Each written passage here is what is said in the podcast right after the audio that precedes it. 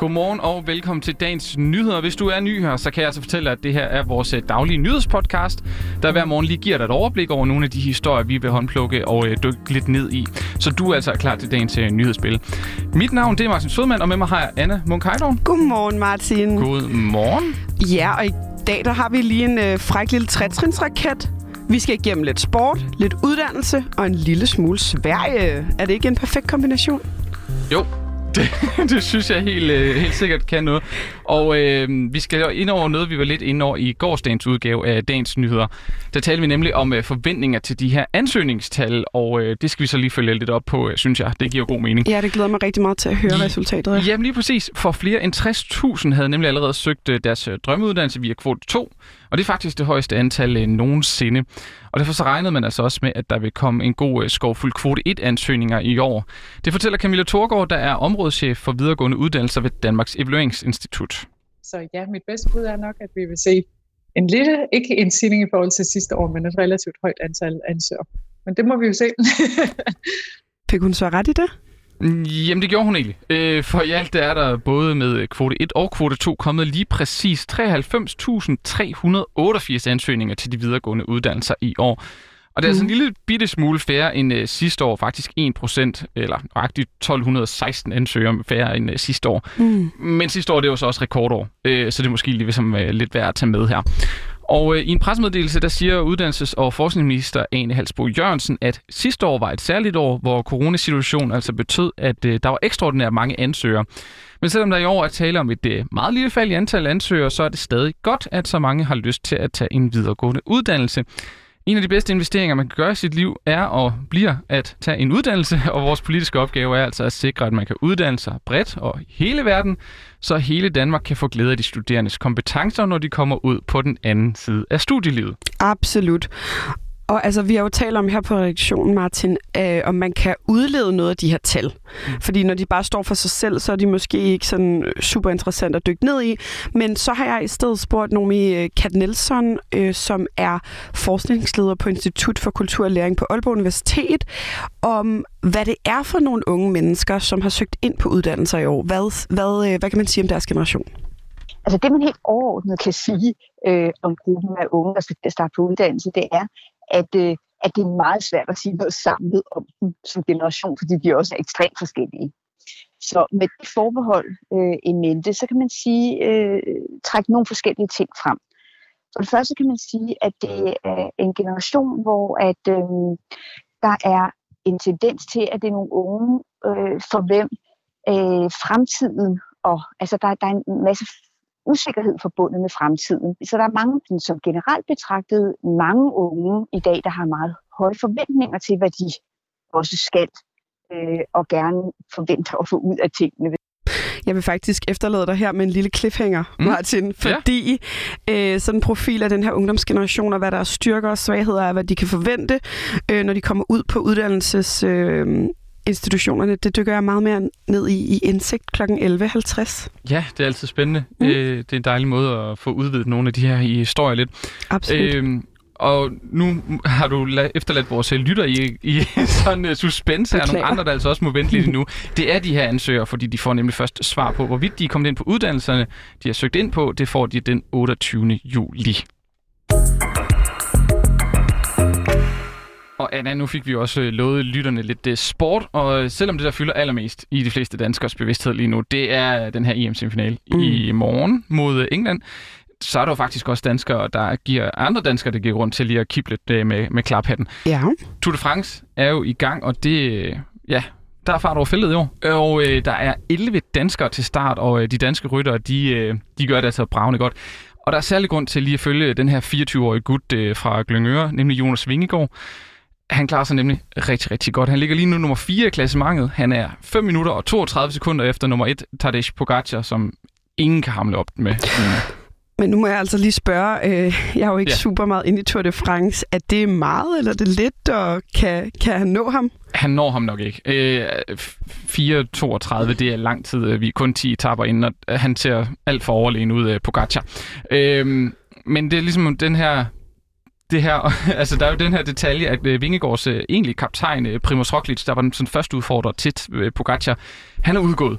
Øhm, så nu ligger det ligesom på den her unge Vingegaards øh, skulder, men hvor meget kan vi så egentlig tillade sig at forvente af ham også, når han er sådan kommet ind på øh, som backup, ikke?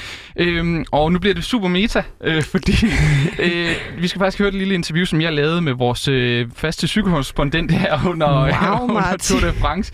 Den, øh, ja, mand med Toot your own flute. Toot your own flute. øh, med, mand med det allerflotteste fæld, øh, skæg i hele feltet, nemlig Rasmus Kvade, jeg tog en lille snak med om øh, det her i går. Hvis vi lige starter med øh, Vingegaard, hvor meget tro øh, har du øh, på ham til det, til det samlede klassement? Jeg har virkelig, virkelig stor tro til ham. Altså det, man så ham gøre på øh, etappen op til Tinje, det var jo helt vildt flot. Nu er han jo stadig ung og uprøvet og bliver kastet sådan lidt ind i det. Er der nogle sådan øh, forbehold, eller kan man godt begynde at, at finde øh, klaphatten sådan øh, lidt frem i forhold til, til Vingegaard? Jeg synes bare, man skal øh, tro på ham. Pogacar sidste år, der var han også ret ung, og jeg ved ikke rigtigt, om han havde kørt Tour de France før. Så der er jo rigtig mange, der siger, om han er ung, og han har ikke kørt så mange Grand Tours før, og, men, men når han kører så godt nu, efter ni etapper, så kan han sandsynligvis også godt fortsætte på den måde. Den her øh, 10. etape, det ligner jo en, øh, en oplagt øh, udbryder etape. Øh, hvordan ja. vurderer du de øh, danske chancer på, på den etape, der, der venter tirsdag? Det er jo altid svært. Jeg synes ofte, man har set efter sådan en hviledag, at øh, der er nogen, der bare er helt vildt friske og skal bare afsted, og så er der nogen, der har svært ved at få gang i benene. Men heldigvis, så øh, er rigtig mange af de danske cykelryttere, de er jo alle sammen rigtig, rigtig dygtige til at læse cykelløbet og når det er, at, øh, at udbruddet kører. Men jeg tror meget på Søren Krav og Valgren og Kort og Askren. Hvis vi skal snakke lidt om sådan øh, danskerne hid til, øh, hvad tænker du så om, om det, du har set fra, fra de danske repræsentanter? Og så skal man i hvert fald lige lægge mærke til Mikkel Bjerg. Han gør en, en flot enkeltstart og er godt kørende, men det at Mikkel Bjerg lige pludselig også viser, at han kan være med der, hvor det, der er brug for ham. Øh, fordi han har jo en meget bunden opgave. Det synes jeg er virkelig fantastisk at se. Nu nævner du jo lige Mikkel Bjerg, han har en bunden opgave, og det har han af en rimelig god grund, må man sige. Øh, Pogacar, altså er øh, ja. turen allerede afgjort, tænker du? Ja, det virker det lidt sådan. Øh, altså, jeg sad sådan lidt i, i går og tænkte sådan, ah, er det så bare en kedelig tur nu, eller hvordan? Men, men det er det jo ikke. Altså, han er bare i særklasse den bedste. Men derfor så tror jeg ikke, at, det bare, at man bare kan sige, at det var kedeligt cykelløb, for der er jo bestemt kamp om de andre boligplaceringer. Ja, det kunne øh, være rimelig fedt med en øh, dansker på podiet, så vi krydser lidt fingre for, for Vingebjørn, Vingegård, selvfølgelig. Jeg kender faktisk den okay godt. Men ja. Ja, men det gør, vi, det gør vi da. Det gør vi. Danmark og Vingegård. Kom så. Nå, Martin. Vi bliver nødt til det. Ja. Jeg har været det omkring det en del gange nu, det har vi alle sammen. Og jeg vil nu kalde mig, udnævne mig selv til Lauts Sverige-ekspert. Ja. Men der er stadig kaos i den svenske rigsdagen. Det har fyldt rigtig meget de sidste uger, øh, men der kommer potentielt lidt mere styr på det nu. Fordi i går eftermiddag fik øh, måske, måske ikke statsminister i Sverige, Stefan mm-hmm. Löfven, en slags redningskrans kastet mod, mod sig af Centrumpartiet.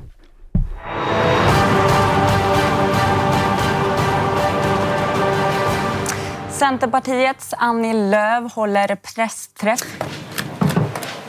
Ja, välkomna hit. Det var länge sedan man såg så här många i det här presscentret. Centerpartiets förtroenderåd har därför valt att vi är beredda att lägga ner, det vill säga rösta gult för Stefan Löfven i veckans statsministeromröstning. Og det her, det er Centrumpartiets forperson Annie Løf, og hun sagde, efter SVT's øh, meget dramatiske oplæg, at det er partiet indirekte vil stemme for, at Løven bliver statsminister igen. Det gør de så ved ikke at stemme, så Løven ikke har noget flertal imod sig. Det er sådan, de gør det teknisk. Og så kom der endnu et plus på præsidentkontoen fra Andreas Norlén, der er talmand, altså formand for rigsdagen. Han står nemlig også bag Løven nu. Og det betyder så, at der i rigsdagen onsdag skal være en afstemning om, hvorvidt Stefan Löfven igen kan få posten som svensk regeringsleder. Men det er jo selvfølgelig svært at gøre alle glade. Mm. Øh, Centerpartiet her øh, de skal ikke længere føre finanslovsforhandlinger med regeringen, fordi partiet ikke ønsker at forhandle med det venstreorienterede Venstrepartiet, som også er indirekte støtteparti for Løven. Og de siger, at vi har besluttet os for at skabe en friere rolle for Centerpartiet. Vi kommer derfor til at være en, i en konstruktiv opposition, kalder Annie Løfte. Men det betyder så, at Stefan Löfven kan komme til at stå med nye problemer i efteråret med en finanslov, hvor han måske ikke får det nødvendige flertal, da han både skal have støtte fra øh, C og V. Så sagen om svensk politik, den er altså ikke slut endnu, og jeg skal nok holde jer opdateret. Ja, tak. Og så kan vi også lige nå et uh, kig øh, på forsiderne. Hvad har du, Anna? Jamen, jeg har Jyllandspostens forside med til dig. Øh, de har i dag en historie på forsiden med rubrikken Antallet af whistleblower hos Socialtilsyn er fordoblet. Og den handler altså om, at øh, de fem socialtilsyn, vi har i Danmark, det er dem, der holder opsyn med sociale tilbud for børn, unge og voksne. De får dobbelt så mange henvendelser fra whistleblower som for fem år siden. Øh, og det viser en optælling, som Jyllandsposten har foretaget. Christina Wang Jensen, der er konstitueret chef for Socialtilsyn hoved hovedstaden. Hun siger til avisen, at jeg ser stigning som et udtryk for, at flere har fået kendskab til ordningen, og måske har talt med kolleger om, at det godt kan betale sig at henvende sig til os. Men der er dog andre, der ikke ser den her udvikling som en positiv ting. Benny Andersen, der er formand for Socialpædagogerne, ser udviklingen som et udtryk for, at ansatte ikke tør tale højt om problemer på selve arbejdspladsen, og så derfor bliver nødt til at bruge en whistleblower-ordning. Ja, det er ret interessant. Øhm, så skal vi også lige runde politikken. De skriver, at flere danskere får psykologhjælp via deres sundhedsforsikring. Mere end 2,3 millioner danskere er lige nu dækket af en øh, sundhedsforsikring, og det er ikke mindst øh, muligheden for at få en øh, hurtig form for psykologbistand, der bliver brugt ret så flittigt af mange af de her medlemmer. Især under pandemien, der er behovet for hurtig psykologbistand i, den, øh, i det private altså stedet ret markant. Direktør for Danica, Ole Krog Petersen, siger til politikken, at pandemien dog ikke sådan har hele skylden, og vi har store problemer med at sådan finde balancen mellem arbejdsliv og privatliv. Og tallene bør være et uh, wake-up call til alle virksomheder og arbejdsgiver om at gentænke arbejdskulturen, siger han altså. Mm. Og det var sådan set det, det, vi havde med i det her nyhedsoverblik i dag. Jeg hedder Martin Sodman, og med mig havde jeg Anne Munk Heidorn. Det var en fornøjelse. Yes, dagens nyheder er tilbage igen i morgen. Ha' det godt indtil da, og tak fordi du lyttede med.